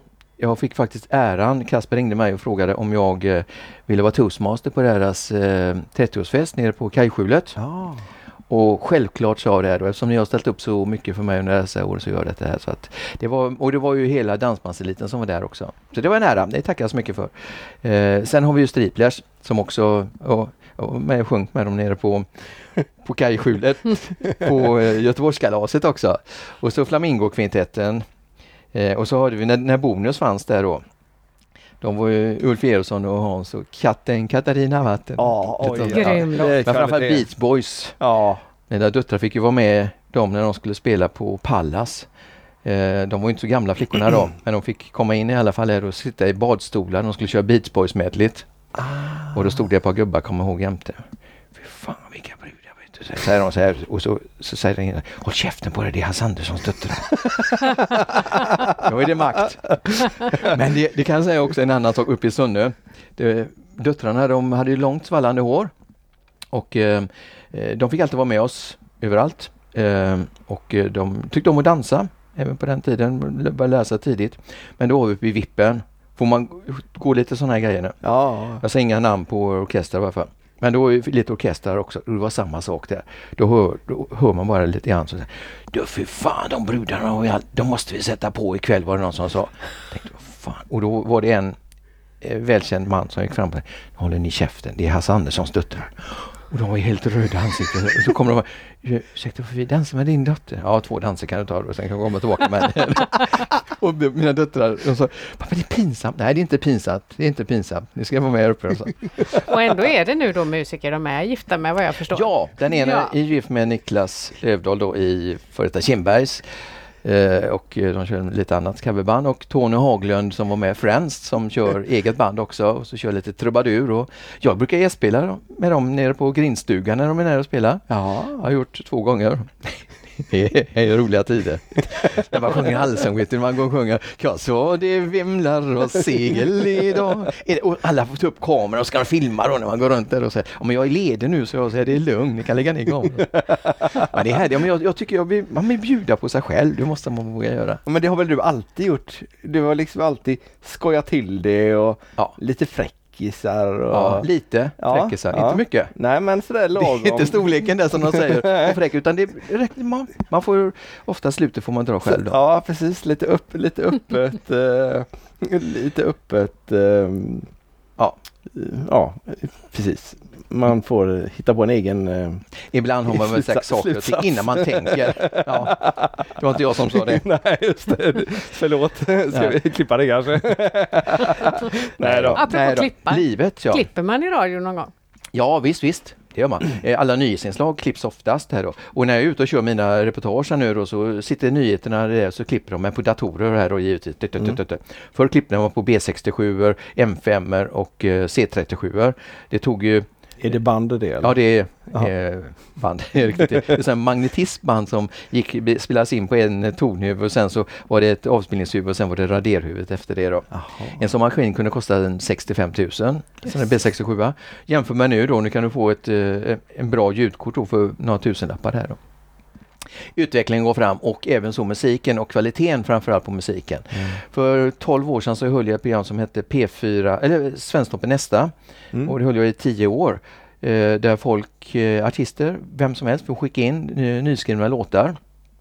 I början så var det ju kassettband de skickade in och det var eh, CD-skivor med bakgrunder och det var, de har suttit hemma och gjort på en egen keyboard och sådär. Nu de senaste åren så är det ju riktiga studioproduktioner och det fixar man ju hur lätt som helst hemma. Jättebra kvalitet på den nu. Nu heter det P4 nästa, man har bytt namn på det. Vi höll på i tror jag, två, tre månader innan vi skulle komma på hur, vad ska det heta. Vi hade möte uppe i Stockholm på Svensktoppen nästa. Men de låtarna som vinner tävlingen kommer ju aldrig in på Svensktoppen för det är ofta samma låtar som kommer in där då. Så var det någon som sa, ja, så kom bara P4 nästa. Det är bra, då slår det ju. För de spelas ju i P4 de här låtarna sen också. Ja, härligt. Är det någonting du inte har gjort ännu? För du har ju varit du har ju haft färdiga programpunkter eller du har gjort massa olika delar Mm. och nu är du ute på fältet eh, igen ska man säga. Fast du sitter inte mycket i studion nu då? Nej. Inte alls, därav din fina solbränna. Ja, kanske det. Eh, jag fick faktiskt den frågan av min eh, nya chef som tillträdde för några månader sedan. Vad, vad känner du för vilket betyg vill du ge på din, eh, din känsla när du arbetar nu? Arbetar? Ja. På en skala 1 till 10? Ja, ja säg 8 sa jag där. Okej, vad skulle göra att du skulle kunna komma upp till en 10 då? Du är ju ändrat till en 10 sa jag där då. Jag är nöjd med det jag sa då. Nej, jag känner att eh, jag i så fall det jag skulle vilja göra det är utesändningar med publik som vi också hade. Där man kan stå och möta publiken live. Vi kan köra lite allsång där. Vi kan bjuda på lite andra saker, artister. Vi kan köra sådana saker. För det har jag gjort mycket förut också men det vill jag gå tillbaka till. Men eh, ja, sitta i studion. Det, jag kan gärna hjälpa till ute på fältet istället. Jag tror att eh, det är lite roligare. Ut och träffa folk. Ja. Det är skoj. För stu- i studion så är det en eller två personer som sitter. Ja nu är de två. Förr när jag Ja. var så var vi bara en. Men nu har man produ- producenter och så har man ju reportrar som gör inslag och sånt där också. Så att det är, jag ska inte säga att det är lättare nu men man har kanske inte lika mycket arbetsbörda som vi hade förr när vi skulle göra allting själva. Men också mindre frihet då eller? Ja. Nu är det mera, det är mer, så- mer som ska lägga sig i vad man, eh, vad man gör här. Och förr kunde man göra lite mer friare. Och så klipper de bort vitsarna nu då eller? Eh, nej, Det alla, hinner de inte. alla program går ju direkt. Ja men då så. Det är därför han vill vara på fältet. Ja, ja, det är klart. Det är klart. Men man får tänka sig för vad man säger alla dessa tider. För det man, det man skojade om för 6-7 år sedan, det kan man inte ta i sin mun nu. Nej. Det går bara inte. Det är så illa. Eller väl. illa eller väl, Ja, eller ja, ja. hur man vill se på det. Skillnaden är så pass stor. Jag, jag säger så här, allting är väl bra bara det inte går till överdrift och man får ett litet sunt förnuft i alla lägen. Det är ungefär som vi säger fiska makrill. Du sa ju att to- 50 makrill är alldeles för mycket att ta upp det. Ja, om du ska ha det själv ja. Men om du kan glädja andra människor med de här andra 45 makrillarna, då är det ett sunt förnuft att plocka upp och. Men ska du bara slänga dem, då är det inget av. Nej. För mig blir det mest ett trassel i huvudet för jag ser hur alla de här krokarna med massa makrillhäcklor på en gång dras upp i båten. Och det blir bara ett trassel av alltihopa mitt i båten för alla har bara dragit upp makrillen och så av med dem. Och så ligger alla krokar och har fastnat i varandra. Men vet du vad man gör då? Då är man, bara, då är man bara två. ja. men det gjorde vi nu senast, en vikttrassel. Är man två, du bara drar upp den här, en makrill där, lägger den, lägger kroken där, tar upp nästa där, lägger kroken där, har du sex krokar. Sen börjar du alltid med den sista kroken som du har fått makrillen på, lägger du i den först, då följer du linan till nästa krok, får du ut den därifrån där och sen tar du bara den vägen. Du ska aldrig börja i mitten här, för då får du trassel. Eh, och sen brukar det ju nappa samtidigt och vi Ja, har så stimmet, liten ja. båt så då är man ju liksom fyra stycken som drar upp precis samtidigt Ja. och så hamnar Ja, allting tre bruk, två, tre brukar vi, har vi dragit ner till nu. Ja. Jag kör Mycket oftast. trassel brukar det bli Ja, det brukar det bli. Men då har vi gjort så emellanåt att ah, det är trassligt, släng undan skiten, tar vi en ny istället. Så Ska man vi sitta hem, hemma sen till Ja. Och vinterhalvåret. det gungar det ju inte heller. Nej. Då får Peter pyssla med det. Ja, då får jag pyssla med Ja, det, var, det är sådana saker man kan jämföra saker och ting och det är som det att du kan alltid hitta positiva saker i allting som är negativt. Mm. Kanske inte precis nu men lite senare. Som om det här hemska covid-19 som råkar ut för nu. Och att det positiva är att folk har blivit mer vänliga mot varandra. Man tänker på varandra. Eh, Bara en sån sak att eh, hemma i Korterulla, där står det på uppgångarna här, vill du ha hjälp med att gå ut och handla eller någonting då? Att folk hjälper sig att ta sina tjänster man tar hand om. Det är en liten sak men det är ändå, man får ta fram det positiva där i också. Mm. Och tänk vad vi kommer att uppskatta och dansa och Ja. få kramas med folk Ja. så småningom. Och då får man inte glömma de här orden som sades i alla i aftondans. En ny dans, en ny chans till en ny romans. Det gillar inte min Nej, fru. inte ny romans. Nej. Det hoppar vi Så över. jag ändrade den nu. Ja, Jag säger bra. en ny dans, en ny chans till samma romans. och jag har nu under den här tiden, vi, så vi, så vi, när jag ringde dig första gången, så tänkte jag det där ska han få avsluta avsnittet med, men nu är det ju kört. Så att... ja, du kan bara klippa bort det. Nej, det kan jag inte göra. Vi kör live. Jag avslutar med det sen också. Ja, det kan du göra. Därför, för vi, vi klipper väldigt lite. Det är ja. en annan hostning som brukar åka bort. Men dansar du någonting nu? Nej, jag har ju opererat mina knän. Jaha. Om du ser här så är det kapat Oj. där. De sågade av underbenet, sågade av överbenet och så upp, fläkte de upp det här då. Och så eh, kom en eh, isländsk läkare, stod kraftig, tog en sån här plåtgrej, eller vad han kallar det för, och så bankade han in det här och sen, han tog tre slag så sitter det där uppe nu. Och de hade väl mätt ut det här då. Det, det har tagit mig två år innan jag kunnat bli någorlunda bra igen. Så nu har jag likadant på andra. Jag tränade förr när man tränade fem dagar i veckan. Man körde två pass om dagen, vissa grejer. Plus att man dansade tre, fyra dagar i veckan också. Eh, lite överdrivet ska man väl säga. Sen är inte alla byggda för att eh, känna av sin kropp att du har ont nu, nu ska du sluta. Men det vill man inte göra. Så att eh, nu dansar jag inte någonting. Men jag har gått en 10-12 danskurser. Så det ja. Då jag har glömt, glömt av allting. Jitterbug kommer jag ihåg. Gick på Lazar hos eh, Cecilia Lazar på Odensgatan där i Uddelumpen. Och då fick vi lära oss eh, dansa första gången kom man dit och tänkte nu ska vara tufft. Jag hade sådana här boots på, från eh, Puss och Kram, de här höga klackarna. Nästa gång kanske du kan ta på dig lågskor, sa hon här då. Ja, gjorde jag det då. Det var mycket lättare att dansa då i lågskor. Något, särskilt jitterbug ja, eller då. Och det var ju med kast och grejer och sånt där också. Så det har jag använt några gånger ute på dansställena på den tiden när det begav sig. Ja. Men det ska jag inte våga nu. Och gammeldans har vi dansat också. Tjeckisk polka, vals, hambo, Stutarevalsen. Det, ja, det är mycket sånt där. Saknar du det? Eh, ja visst, visst, som motion jättemycket. Ja.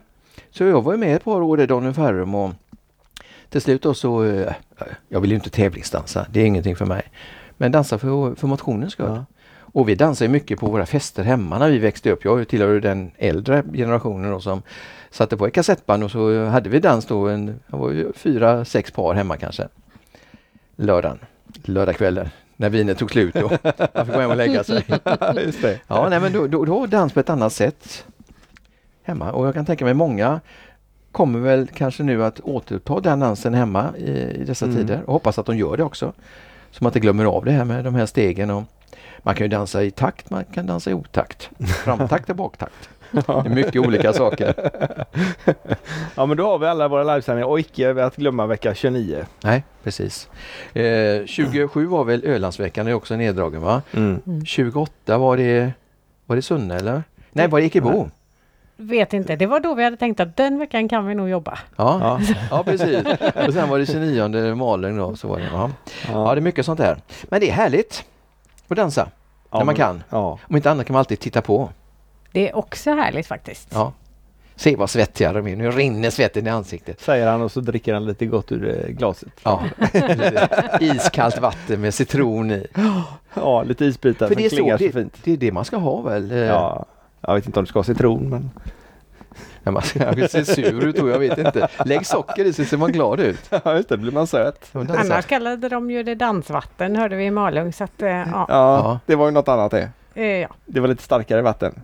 Så kunde det också vara. Nu ska väl säga också, många av de här som förr 70-talet, Generalen eh, och många av de här Sandgren, de levde ju då på att folk gick ut och dansade. Men det var inte dansfolk de levde på utan det var ju det att företagen tog dit sina gäster, de, de köpte alkohol och det mm. kunde då betala. Sen när då, det försvann, det tuffa, då fanns det inga pengar att tjäna och de tjänade inte pengar på folk som springer runt och dricker vatten. Där, därför gick det över mycket på de här ställena att folk hade sina fester men de hade färdiginspelad musik.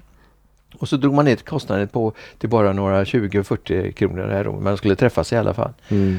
Och det tror jag nog det kommer mer framöver. Sen tror jag också att dansbanden, eh, de här små nu hoppas jag att de små logarna eh, klarar av att överleva, att de inte konkurrerar ut varandra när allting har släppt igen. Och, men att folket kommer tillbaka och att man gör lite större satsningar på detta här. Mm. Det hoppas jag. Det är ju svårt att använda en, en, dansbana till något annat när man bara får vara 50 pers. Mm. Men jag, vi har en, en eh, kompis i... Politiska möten, de vill inte fler. Nej just det, så som det blev i Göteborg. eh, vi har en kompis som faktiskt har haft danskurs med, eh, men de har bara haft eh, 24 par. Vi har faktiskt ganska många av våra tidigare poddgäster som har danskurser nu också. Ja, det är det och har haft kanske. det på sådana. men de hade i alla fall, eller, han hade i alla fall väldigt stor lokal. Mm. Och så hade de gjort rutor ja. Så att man fick hålla sig i sin ruta när man dansade. Och på så sätt eh, lösa det. Det är ungefär som när man dansar square dans är det väl då, va? precis. Då är man väl 8-8 i sina rutor. Eller som Galenskaparna säger, rutdans. Ja, det är det det är nu då. Ja, Rutdans. det är rutdans, det är square dance Ja, allting. ja, det är bra. Ja, det funkar jättefint. Får köpa grisen i säcken och chans. Ja, det är Mm. fina klassiker det du. Men du som har jobbat inom, te- inom radio så många år, har du Mm. inte funderat på att eh, gå över till tv istället? Nu ser jag hur jag ser ut, ingen idé. Ja men du är ju solbränd och snygg och liksom glad. Ja, med smink kan man göra mycket. Ja. Ja, alltså, radio, man kan göra så mycket med radio. Och det som Rickard eh, säger också att eh, han jobbar ju på radio eh, Gävle och eh, Gävleborg. Radio det är ett medie som slår TV. Men visst, jag har fått en förfrågan, eh, åtminstone via tidningarna, eller i tidningen och även utav vissa programledare här. Det var när Loket skulle sluta på Bingolotto. Och vi känner varandra Loket, vi är handbollsdomare och jobbat just tillsammans med radion och sånt där. Och Sverre var där nere och de frågade om jag var intresserad av att ta över och då var det framförallt måndags Bingolotto kanske till att börja med. Och jag sa, ja klart, vad ska jag då säga, men jag hade ju fast tjänst på eh, radion, körde i Afton Dans och alla andra program och jag tyckte det var, det räckte nästan sådär då. Eh, men eh, ja, vi kan se sen framöver säger jag något sånt där då. Och sen ett halvår senare så då sa ju Leif upp sig. Och då skulle de ha en ny programledare. Och så ringer tidningen GT mig och frågar Du, eh, vi har hört att du eh, ska ta över Bingolotto. Kan du komma ner så vi får intervjua dig? Nej för fasen, så jag, jag, jag ska till grannen och dricka kaffe nu. Så då, vi skulle faktiskt det. Ja, kan vi komma hem till dig? Ja visst, ja, du kan komma hem till mig. Och de frågade då, ja, jag har fått en förfrågan och det har jag fått ett halvår tidigare. Eh, men eh, jag säger det, det finns så mycket bra programledare på, eh, på TV4 som skulle kunna ta över detta här i alla fall. Och, och då kom, uppkom det sig att, äh, vad fasen, det blir en liten artikel i tidningen här då, för de var hemma en halvtimme och en timme och tjötade lite grann och tycker om dansband och allting. De visste mycket om mig också då. Men sen dagen efter så gick jag ner till Kortedala torg och så kommer inte. till. hej, för grattis! Ja, tack så jag. Vadå, säger jag. Då hade jag, de alltså klippt ut löpsedlarna. Då stod det Hasse från Kortedala tar över Bingolotto och så mig på en helbild här då. Och så längst ner om Loket får beställa. De här löpsedlarna de finns hemma. Jag har många löpsedlar som jag har varit med på. Eh, och eh, då fick jag det på Lasse Kronér att han sökt också. Så jag pratade med Lasse, men för fan ta du det, du har inget jobb då på den tiden. Nej. Han var ju artist då, så det gick jättebra. Och sen fick jag väl en annan förfrågan efteråt när han skulle sluta. Men jag tyckte att man vill ha en... Är man i tv så är man så himla exponerad. Man kan inte göra någonting. Eh, Nu kan jag göra någonting på stan utan att jag öppnar munnen. Jag säga, det räcker att du är tyst. Hur lätt det nu är. Då är, då är, det, då är det det. Ja, nej, men, eh, nej, så att, eh, jag strävar inte faktiskt efter att eh, göra tv. Jag gjorde en grej för många, många, många, många år sedan. Det var på ett båtföretag. Eh, ska vara konferencier där och de skulle filma det här. Det var i Dansbandskryssen. Ja. Det är 25 eller 30 år sedan. Och jag visste inte om att de filmade. Så att jag eh, presenterade, jag kan inte stå stilla utan måste gå och röra på sig hela tiden och snacka så här. Och, och sen när den här filmen kommer ut så ser man så här, följande orkester har medverkat och mannen bakom pelaren, Hasse Andersson. Då var det en pelare i mitten och varje gång jag skulle filma så stod jag bakom pelaren så flyttade de kameran, då flyttade jag på mig utan att veta om någonting också. Så jag har inte, inte är riktiga kameraögat riktigt. ja, men det går ju att träna upp. Ja, jo då, jo då. Ja. Nej, men jag känner att eh, man, man, man kan göra så mycket ensam på radion också. Det krävs inte så mycket folk som ska vara med. Nej. Eh, jag kan göra program ensam. TV krävs det så mycket annat också. Ja, det Sen är det väl också så att Hasse faktiskt har påverkat dina drömmar lite grann och att vi sitter här så, idag. är, så är det faktiskt. Mhm. För, för ehm, du frågade om, eh, me, om mitt drömjobb, om det är det jag håller på med. Ja, Men mitt drömjobb är ju faktiskt att jobba på radio. det är så. Ja, det är det. Och när det Grattis. här då öppnar sig att man faktiskt kan eh, köra en podd då om man nu inte får något jobb på radio så kan Ja. man ju podda och faktiskt göra det själv. Och Det tycker jag är jättebra att det den möjligheten öppnat sig. Och det är så många som gör det där. Och så många som får komma till tals också. Och så många lyssnare som kan eh, komma. Och så får vi träffa så mycket härliga människor. Precis. Och skulle någon rekryterare för någon radiokanal höra av sig till dig så Ja. ja, är de ju välkomna också. Ja då. Det, det låter bra det. Bry inte om lönen bara du. Nej, det är så va? Nej, men det är kul att prata i alla fall. Vi brukar ställa en eh, standardfråga till våra kära gäster. Ja. Och det är vad innebär danspassion för dig? Ja, eftersom jag nu har suttit i ert sovrum här nu och se vad ni gör när ni inte ligger och sover så tycker jag att eh, det är någonting som behövs. Man träffar folken, är så lätta och eh, man får öppna sig på ett helt annat sätt. Jag hade förberett mig att berätta lite minnen hur det var att exempelvis Lotta Engberg eh, var med på I afton dans från Packhuskajen vid ett fullsatt Packhuskaj och jag rätt som det ska överraska henne. Jag kommer ut i sådana här skinnkläder och så tittar hon på mig. Åh herregud, bara ett äpple i munnen på dig så är du som du är som hon är då. Men samtidigt den, den kvällen så fick hon en t-shirt av mig där det stod Får jag lov? Hon gick ut efter första låten, tog av sig sina scenkläder, tog på sig den tröjan och hade på sig den under hela kvällen. Det är danspension det. Häftigt. Riktigt häftigt.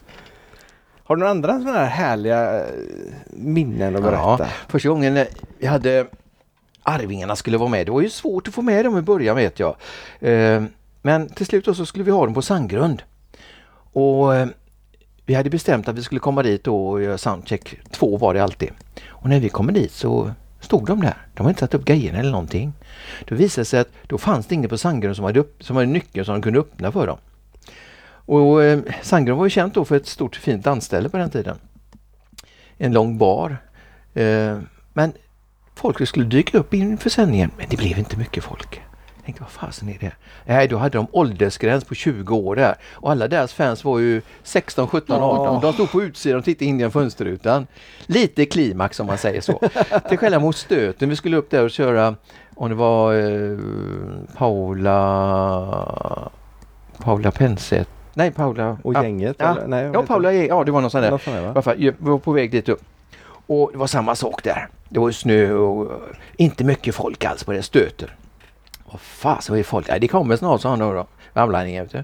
Ja, och när klockan var halv tio, det skulle vara tio var det fyra stycken där inne. Men sen när klockan var tio i så kommer det lite mer och så här. Och rätt som så säger han till mig, du, du ska inte bli orolig om det blir slagsmål här sen för att eh, de, kommer hit och så gömmer de sina eh, dunkliga raggar som kommer hit så lägger de sina dunkar i, i eh, snön på utsidan. Och är det någon som tar fel dunke så är det någon som åker ner för trapporna. Han har inte mer säga detta ute. Dunk, dunk, dunk, dunk, dunk. Då är det fullt med slagsmål inne. Och då, då eh, Paula Åkesdotter Jarl var det. Just det. Hon skulle köra. Paula Company hette det Paula bandet. där. Company var det. Ja, så var det. Så att, eh, ja, det var också ett sånt här härligt eh, minne. Eller Chiquita när vi var på, var det Mollungens loge och de spelade med Kenneth på, eller Ken på eh, så rätt som det är så ser man bara det ryker. Då var det en av förstärkarna, ljudet försvann då också, Det var en av förstärkarna som började brinna. Så det var bara brandsläckaren att släcka på där då. Sen var vi uppe i Göteneparken med Kågerna, han hade det, var Tor Eriks orkester. Och eh, jag hade sagt någonting att eh, det är fullt med folk här inne, jag tror vi är närmare 1500 här inne. Och då eh, i paus så kommer brandmannen. Det var inte långt därifrån. Jag, jag hörde på radion att du sa att ni var 1500, det jag har tillstånd för 1000. sa han där. Ja, ja, men 1500 ben säger jag då. Sen hände nästa gång vi skulle vara där, var det ännu tragiskt. Då var det, då var det också Tor Eriks. Och rätt som det är så är det någon som säger sluta spela, sluta spela. Tänkte då gick ut över hela Sverige och hela Norge också då så här och tänkte vi, vi har inte gjort något fel, vi kan inte. Då var det en man som hade fått en hjärtinfarkt på dansgolvet. Och de gör, vad sa vi stänger av musiken ut och kör bara på monitorerna så att det går ut i radion i alla fall så vi kan fortsätta köra radioprogrammet här då. Så vi inte går ut och säger att någonting har hänt här då. Eh, tragiska var man, mannen dog alltså i det här tillfället och sen fick jag reda på i efterhand att han hade svagt hjärta. Han hade haft en hjärtinfarkt för ett par månader innan och läkaren hade avrådit honom till att dansa. Och han hade sagt då, då ska jag dö så ska jag dö på dansgolvet i alla fall. Och det gjorde han ju. Men det var tufft att köra hem den kvällen. Eh, när man visste de här sakerna så att eh, Ja. Läskigt för den han dansar med, tänker jag. Ja, ja precis. Mhm. En äldre man var det här också då. Så att, eh, men men.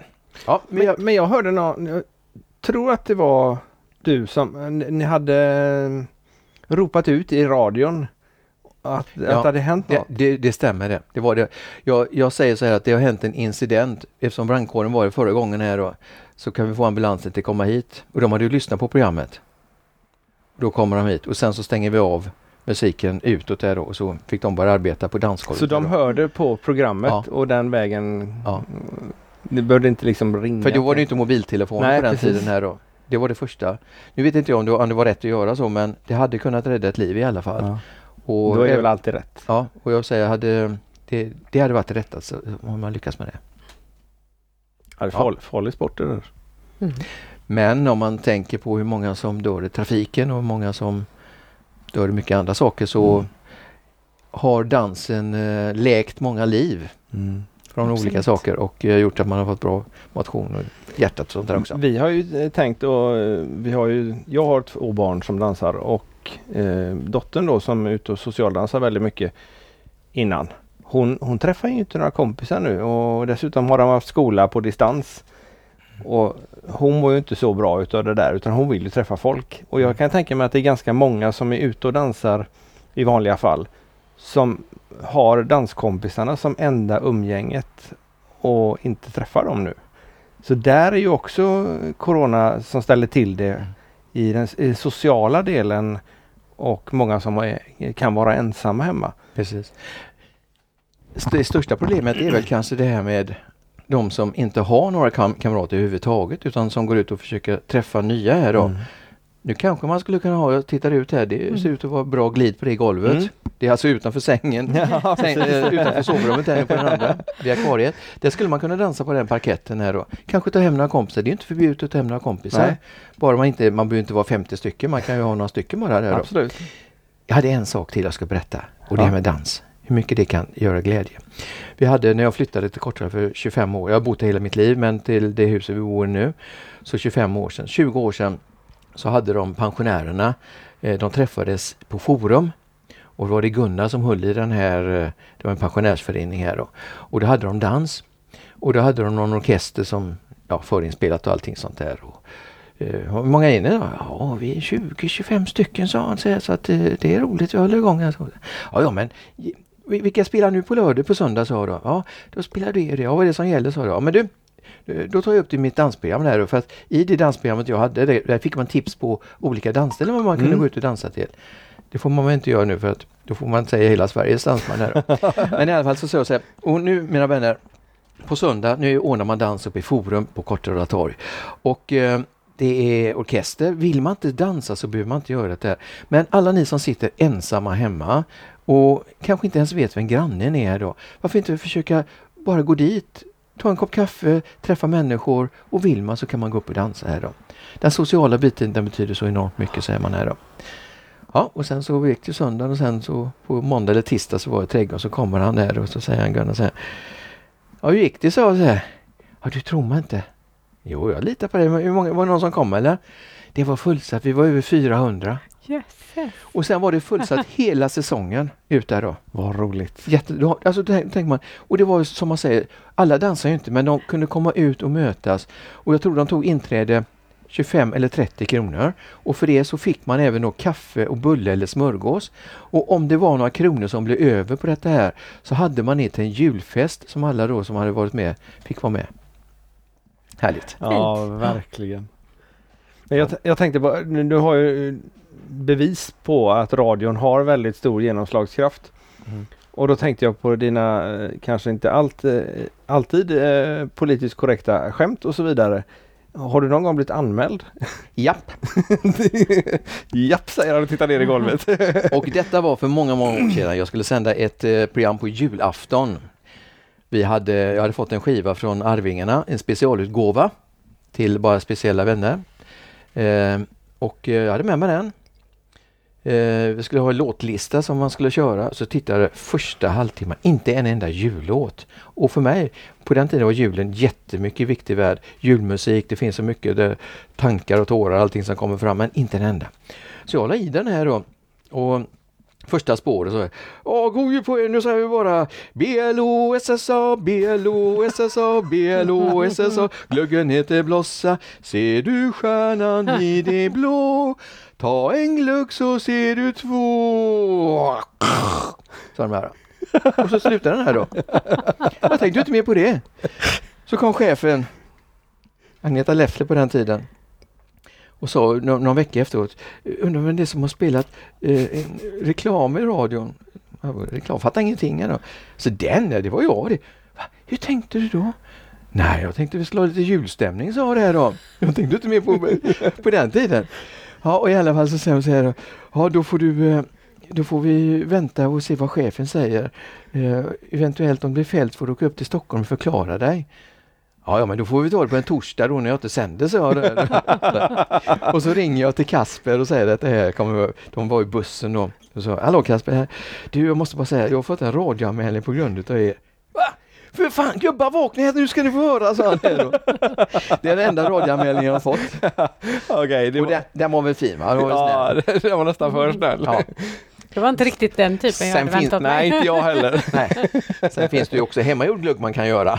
Ja, just det. Och andra märken. Ja, som inte smakar lika gott som den hemmagjorda. Som den hemmagjorda, nej just det. Det kan variera styrkan också ja. har jag hört. Ja. Eh. ja nej, var... sen, sen, finns det också folk som är eh, avundsjuka. Ja. Det var en man eh, som hade hört av sig till en annan chef som jag hade mot slutet för fem sex år sedan. Och, eh, han tyckte att jag, att jag bara spelade Arvingarna i mina program och gjorde reklam för dem hela tiden. Och då förde jag upp statistik, hur mycket jag, vad jag har spelat och allting här då. Och då var det väl, jag talade med eh, våra musikläggare också, så det är inte konstigt eftersom det är det bästa bandet och de har gjort så mycket musik och sånt där då. Eh, man fick ju också eh, andra skivor från andra dansband som man fick ju säga lite grann att detta håller inte riktig kvalitet i radion. Även om det fungerar bra på mindre ställen och så här så får man ha en viss kvalitet men det är inte alltid det gick hem. Och den här mannen då, jag fattar som att han var med i en mindre orkester som inte hade gått så bra för. Men han tyckte i alla fall att han, han klagade hela tiden så fort det var en Arvingalåt. Mm. Och det var bara det att när jag spelade min Arvingalåtar så var det inte jag som hade lagt den utan då var det musikläggaren som hade lagt ut dem här då. Så det var inte jag grejen här då. Så att det kan man inte. Och jag, jag skulle aldrig aldrig tänka på att göra en sån sak heller utan är det ingenting som är, är bra så ska man inte spela det heller. Nej. Men om vi går, som det är nu så spelas det ju otroligt lite dansband överhuvudtaget. Mm. Eh, oavsett vilken sorts, om det är jullåtar eller liknande. För det görs rätt mycket jullåtar som mycket väl skulle kunna passa på P4 också. Men vad, har du någon aning om vad det kan bero på att det inte spelas några dansband? För det är väldigt många människor i Sverige som lyssnar på dansband. Även om man inte dansar? Mm. Mm. Eh, låtvalet i Sveriges Radio vill jag inte ge mig in på. Nej okej. Okay. det finns de som ut... Som, det är inte som, ni själva som sätter det i Göteborg nej, då? Det är, jag tror det är sex stycken uh, i landet som sätter musiken till 25 olika stationer. Där de väljer. Aha. Och uh, ibland så, vissa låtar som ligger på A-listan, de spelas ju två gånger om dagen. Darin, det med halvfulla glaset och halvtomma glaset, den tror jag, jag två gånger om dagen minst. Varje gång. Uh, men det är inte vi som lägger de låtarna här nu utan det är eh, musikproducenter som bestämmer det här. Och då har de en viss lista att gå efter. Jaha. Men jag skulle vilja rekommendera eh, P4 Plus heter det väl programmet. Okay. Eh, som spelar på, på webben. Där spelar gamla örhängen och klassiker där mycket, mycket dansband och sånt spelas också. Programledare Ulf Elving eh, bland annat där. Jaha. Och vi har, eh, vad heter hon som hade ringt så spelade vi förut eh, Nasse, alltså nu, Mona Krantz tänkte jag säga, nej, men det nej, var, nej, det var ett tag sedan. Nej, eh, oh, Växjö, oh, nu, nu får jag en hjärnblödning vet du. Det kan inte jag få för jag har inte så stor hjärna. ja ni vet, ni lyssnar på det. Hon hade tillsammans med Lasse Svan så hade hon eh, Ring så spelar vi. Ja, nu glömmer vi det. Vi kan, vi kan pausa här och ja. klippa bort tystnaden ja. när du funderar. Nej, jag, jag står för det här och det är det minnet att när man kommit upp i åren så glömmer man av detta. Men P4 Plus, gå in och lyssna på detta här. Ja. Det finns det hur bra som, hur mycket bra musik som helst för oss som gillar lite mer äldre örhängen. När det är sol och vår och man är 19 år är det så lite man förstår. Kommer du ihåg den? Jajamän. Inge Berggren, det var min favorit på den tiden. Jaha. Ja. Ja, det var ett tag sedan. Ja, det är svårt att dansa till den eller? Har du tagit sånglektioner? Nej, aldrig. Nej, aldrig. Nej, nej. nej, men jag brukar jag tycker det ska ju sjunga. Spelar du Eh. något instrument också? Jag, jag gick i Hagströms gitarrskola så jag gick, i- min dröm var att stå på scenen och tjejerna stod där nere. Ah, så här, vet du. Ja, just det. Men nu, och jag skulle spela instrument. Nu skippar jag instrumenten, nu, nu står jag och pratar och sjunger istället här. Och, Och tjejerna, Tjejerna står fortfarande där. ja. nej men deras mammor. Ja, ja, man får vara nöjd med det med. Ja, ja, herregud, jag är jättenöjd med det. När mina barn står där, min fru står där, alla andra. Ja, det ska. Bara glädja människor, det är livets stora behag. Ja. Härligt. Det kanske får bli dagens slutord. Då skulle jag vilja avsluta med följande ord. En ny dans, en ny chans till samma romans. Fantastiskt. Tack så mycket Hasse Andersson, eller Hasse P4 Andersson för att du ville vara med i podden Danspassion. Det var ett nöje när du ringde och frågade. Tack! Eller ni ringde och frågade. Tack så mycket. Och tack för att ni har lyssnat på dagens avsnitt. Ha det gott! hej! hej.